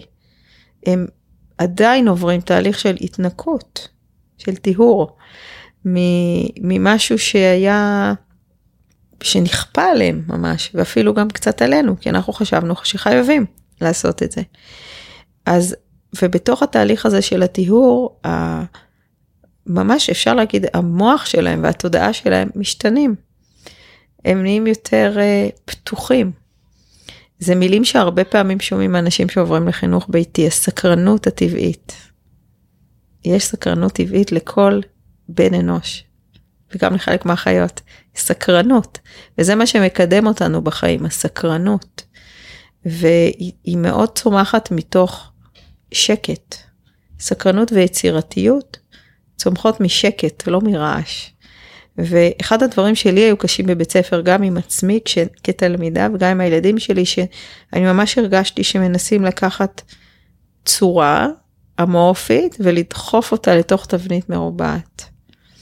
וזה ממש אה, היה לי מאוד קשה עם זה.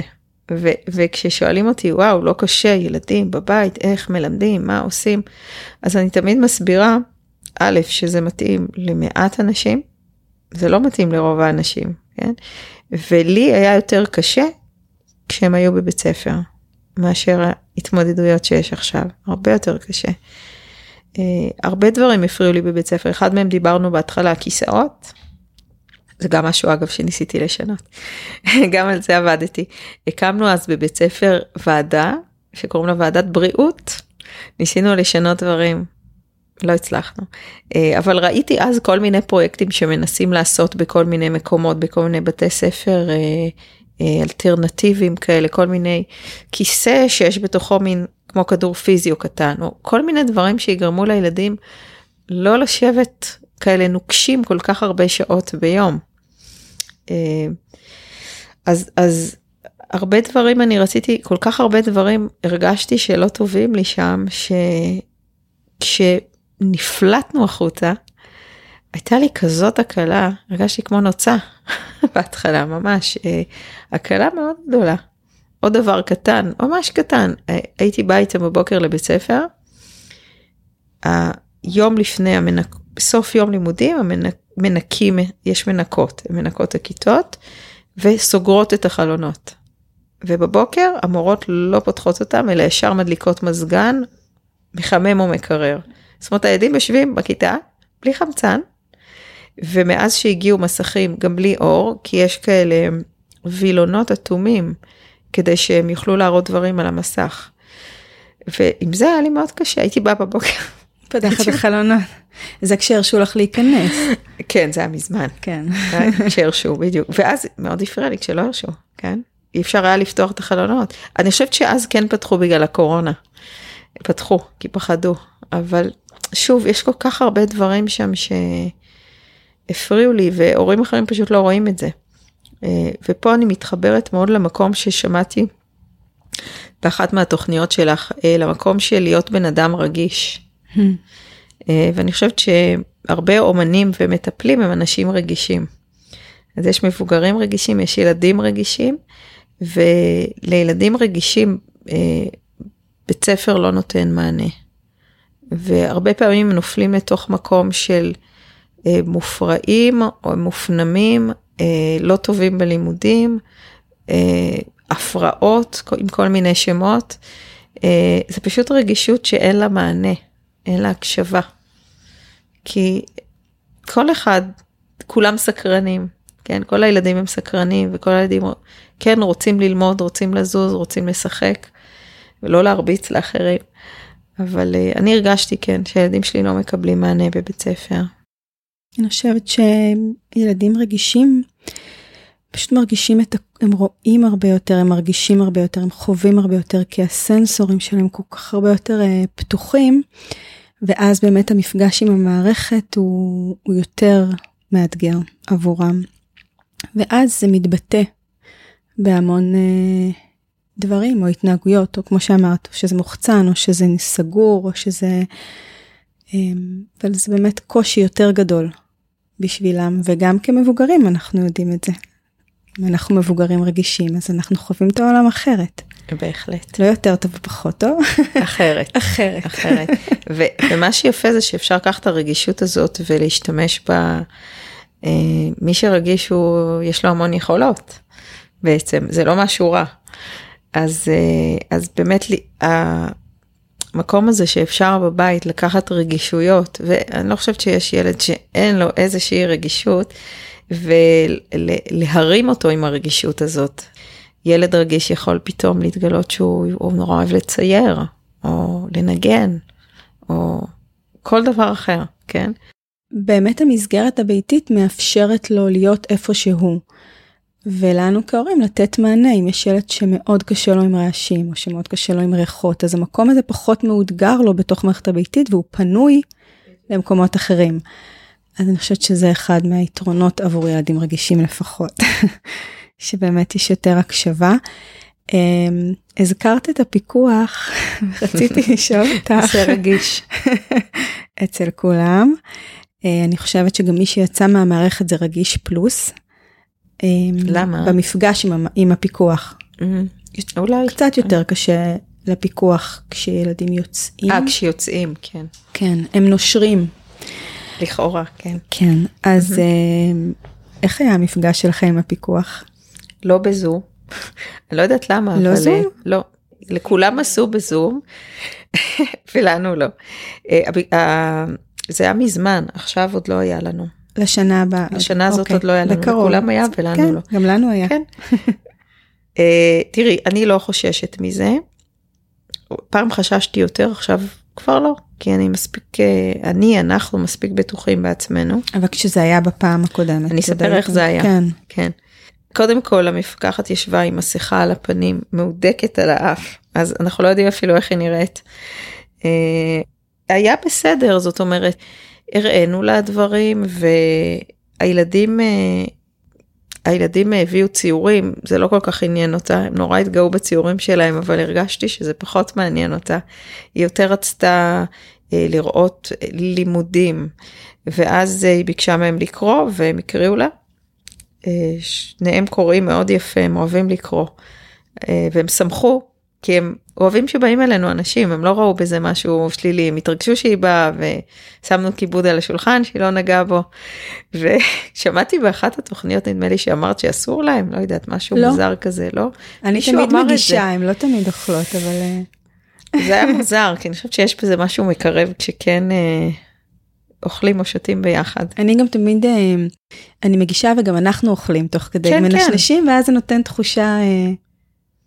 אבל אה, אני, אני לאט לאט מצליחה פחות ופחות לחשוש במקום הזה, ויותר אה, להבין שצריך להראות את מה שיש בצורה... רגע, קיבלתם אישור בקלות? היא הייתה? נתנה אישור? אה, כן, כן, כן. היה כן, טוב. כן, היה לה רק משהו אחד לא טוב להגיד, אה, ששוב, אני חושבת שזה קשור למקום הזה שהם בוחנים אותנו בכלים של בית ספר. אה, רואים שאתם עדיין חדשים, אה, אתם לא עושים למידה מספיק אה, רחבה על נושאים. אה, משהו כזה. אז אה, בסדר, אמרה, אמרה. אני חושבת שאני גם אומרת את זה הרבה פעמים לאמהות שחדשות שמדברות איתי והן פוחדות וחוששות מאוד, שהם בסך הכל באים לראות שהילדים לא מוזנחים. ושהם רואים, רואים ונחשפים למספיק דברים ואין פה יותר מדי ממה לפחד, אבל רצים כל מיני סיפורים מפחידים על זאת וההיא. זה לא מפגש נעים, את יודעת, זה... לא. זה לא נעים ולא תמיד הילדים משתפים פעולה וזה בסדר גמור שהם לא משתפים, אבל uh, כמו שאמרת גם קודם, זה שתי שפות שמתנגשות וצריך לייצר איזשהו גשר או, או שהמילים מפה יקלט... הקולטנים גם, כאילו, יש משהו נכון. שהוא... זה שני עולמות. כן. ממש. אז אני חושבת שאם אתה מגיע עם יכולת לגשר מצידנו, מצד המשפחות, אז, אז זה מקל על העניין. או אם מגיעה מפקחת שהיא קצת מכירה, אז היא מייצרת איזה חלק של הגשר, אבל אם מגיעים באמת שני קצוות, אז, אז זה יותר קשה. מה עוד יש לנו? וואו. משהו שעכשיו אני ככה קצת מתמודדת איתו זה ללמד את הילדים, אחד הדברים שחשובים בעיניי זה, אנחנו קוראים לכל מיני דברים בצחוק בשמות של שיעורים, כאילו, אה, כישורי חיים.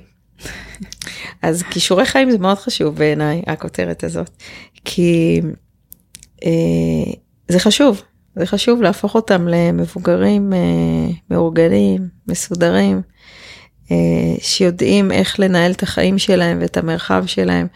וזה קושי שאני עכשיו ככה נתקלת בו. אלרועי נאמר קצת פחות מפריע בלאגן, מפריע אבל לא כמו שמפריע לי. אז אני מנסה לאט לאט ללמד אותם אה, להחזיר דברים למקום.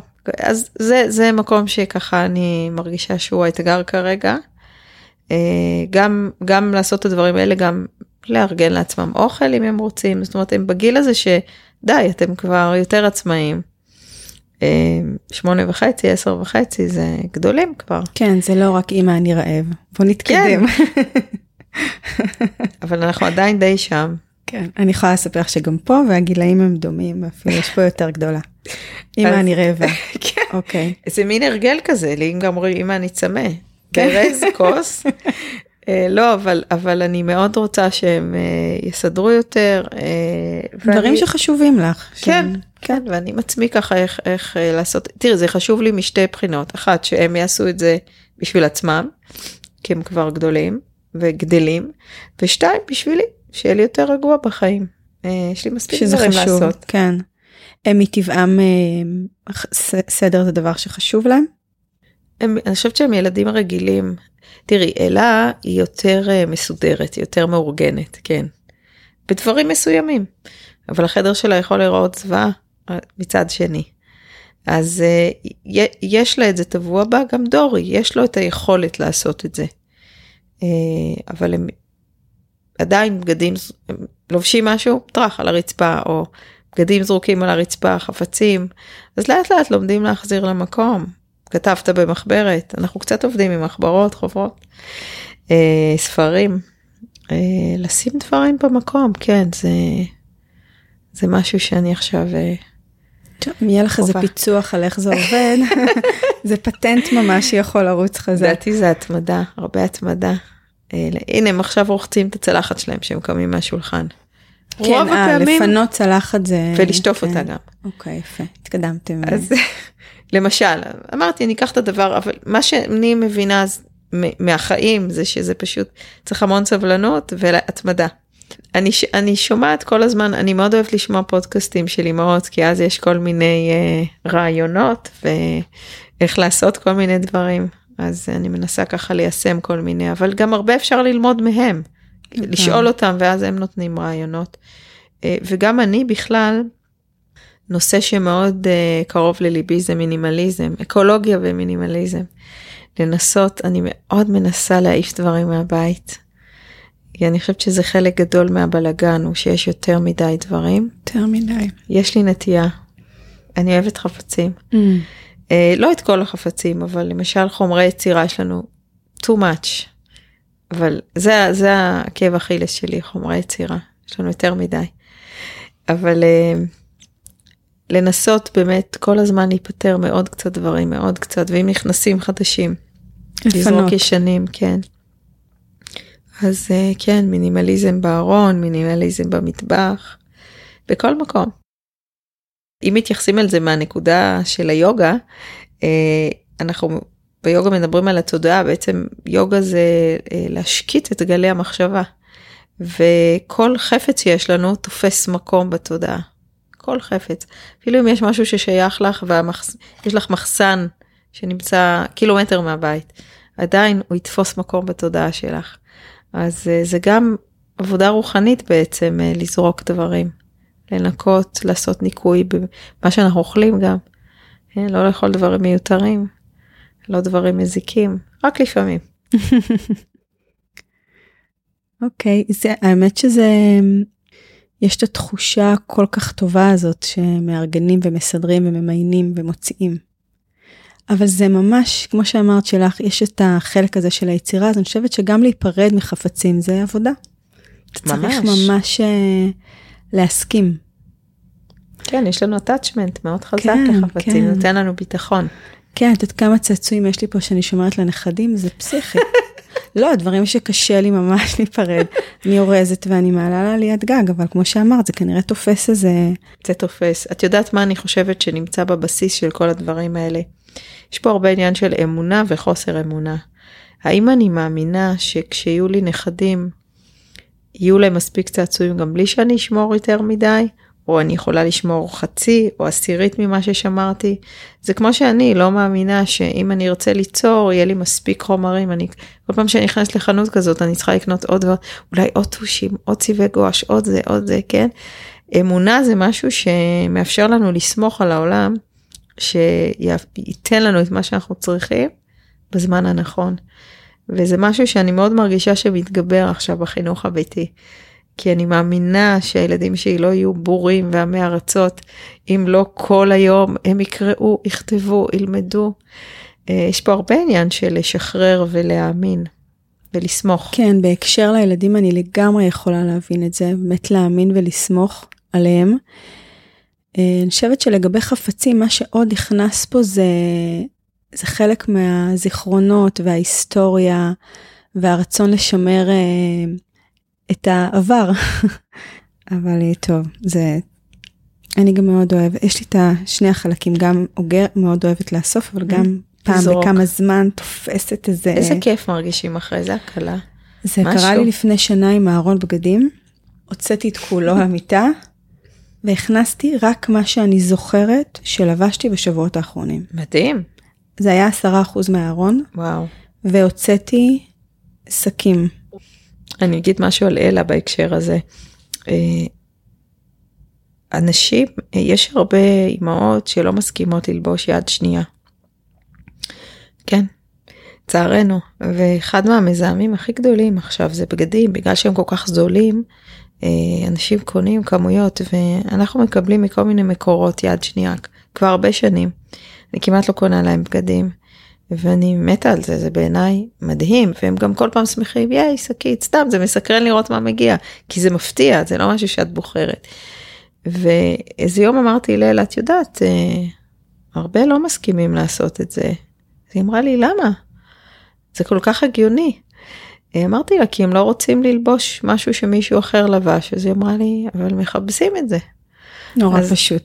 כן, זה, יש כל הילדים, אני חושבת בבסיס שלהם הם uh, מחוברים לטבע ולמה שנכון, ולתנועה ול, ולמינימליזם. יש לילדים את זה באופי שלהם. ואם אנחנו לא מעמיסים עליהם משחקים ועודף של בגדים, הם, מה זה, ילבשו את אותו בגד כל יום וילכו החוצה לשחק בבוץ.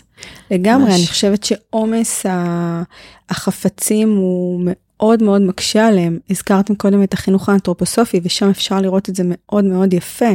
כי אתה נכנס לגן ילדים ויש לך אה, אה, אצטרובלים, קצת קוביות, עוד איזה... פייה.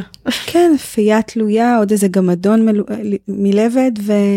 כן, מקסים, והם ממש. והם משחקים. רואים כמה הם רגועים שם. הם רגועים ותמיד יש במה לשחק ו... רואים את זה, אני הרבה שמעתי לאחרונה אה, אה, פודקאסטים, פודקאסטים על אה, חינוך מונטסורי. מונטסורי. זה ממש, ממש מעורר השראה ואני מאוד uh, ככה מנסה קצת להכניס הביתה. את זה, כן, זה מאוד מרגיע, זה באמת מאוד מרגיע שיש לי בחירה בין שני דברים. אני עושה להם את זה עם יצירה למשל, כי בגלל שאני כל כך מתלהבת, אני מציירת ועושה הרבה קולאז'ים, אז הם לא בא להם דווקא. אז קוראים להם להתנגד. אז מה שאני עושה, אני פשוט משאירה להם על השולחן, שאני עובדת כל הזמן על הש... לשמור אותו מסודר, יש לנו שולחן אחד שהוא של יצירה. אה, דף, טושים או דפים, כל מיני, משהו אחד כל פעם. רק צבעי גואש, רק טושים, רק פנדה, רק משהו להדביק, ואז הם ניגשים לבד ועושים, בלי שאני אגיד להם, כן? כן, זה, זה רק צריך להיות מונח שם, זה הרבה יותר מזמין בוודאי. וגם אנחנו אוהבים לא לעשות מה שאימא אומרת. אבל זה כל כך כל כך נכון פשוט כל פעם לשלוף משהו אחד להניח. הם מדברים שם על אחסון, אה, אחסון שקט, יש כן. ביטוי כזה. אז התחלתי לעשות את זה באמת עם משחקים, להשאיר מעט בחוץ. הם כמעט לא נוגעים במשחקי קופסה וכאלה. הזכרת את קטן. כן, פעם ב... כן, ממש כן. פעם ב... אבל אז הם פשוט באים ומבקשים ויאללה, בכיף. מה עוד אנחנו אני פשוט לא רוצה שתלכי ואני אגיד יואו רגע לא אמרתי. איזה באסה שלא דיברת. כן, את יודעת כן, איזה מצחיק אני הכנתי רשימה ושכחתי אותה באוטו. כן. אמרתי כן שאני כזה בטוח ידע שדיברתי על זה. את רוצה לחשוב רגע? אה, לא אז אני אמרתי יאללה טוב ששכחתי אותה כי ככה אני סומכת ואני יודעת שמה שצריך אמרתי ומה שלא אז לא. זה קצת כמו לאגור חפצים הרצון הזה אמרנו הכל. כן. זה משהו שאני לומדת לשחרר כי אני מאוד בן אדם של רשימות ועושה פרפקציוניזם אבל בגמילה. זה הפרעה. כן כן לגמרי. כן אבל אז זהו אז אני גם עושה תרגילים עם עצמי כדי uh, להיגמל מפרפקציוניזם כי יש פה משהו מאוד מאוד מעכב ומאוד אחייני. אחד הדברים שעוזרים לי זה רועי. רועי הוא הבן זוג שלי הוא בן אדם מאוד יעיל. הוא סופר מהיר וסופר יעיל. לפני שהכרתי אותו חשבתי שאני בן אדם זריז מהיר ויעיל. ברגע שהכרנו פתאום אני מרגישה כמו חילזון, כן? כי הוא זז נורא מהר, זאת אומרת יש לזה יתרונות וחסרונות, כן? דברים נופלים בדרך, אבל הוא סופר יעיל. הוא מתקתק דברים, הכל, גם בבית, גם uh, עבודה, צ'ק צ'ק צ'ק צ'ק. אז uh, הוא נותן לי המון השראה בקטע הזה של, uh, כי אנחנו עובדים ביחד.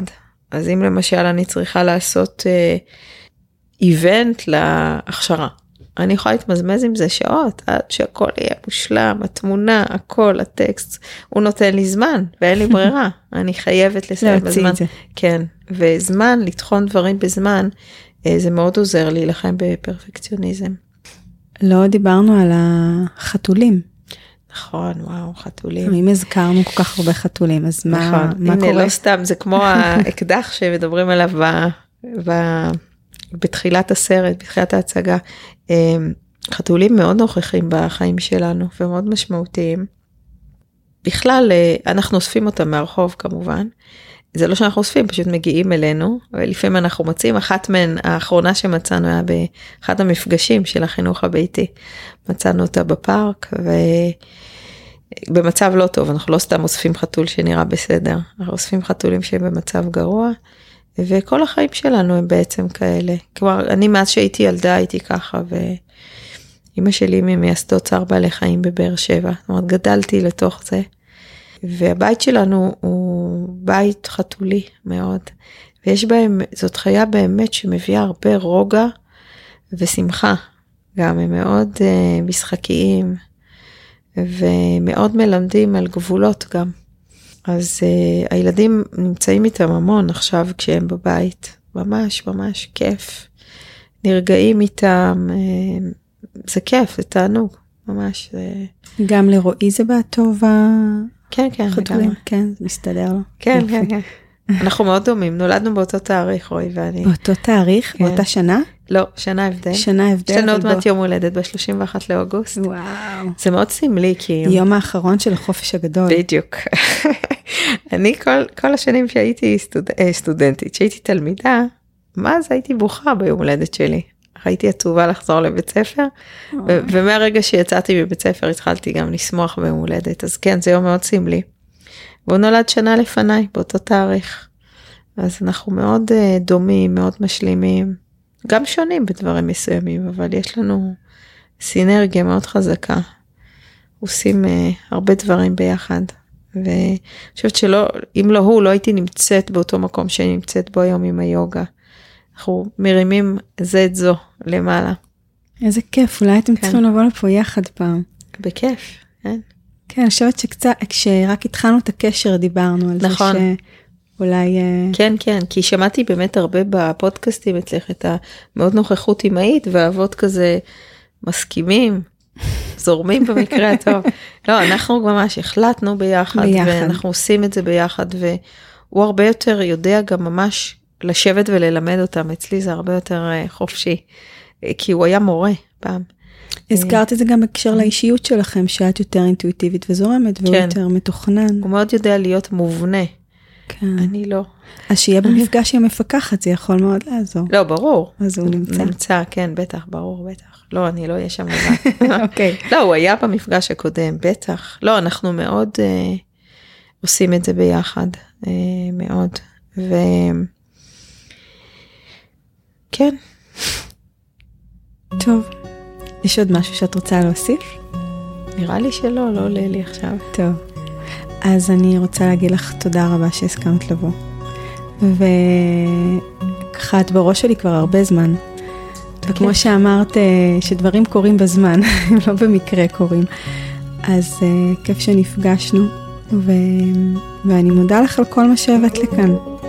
תודה רבה שהגעת, ו... וזהו, שבת שלום. שבת שלום, תודה רבה שהיית.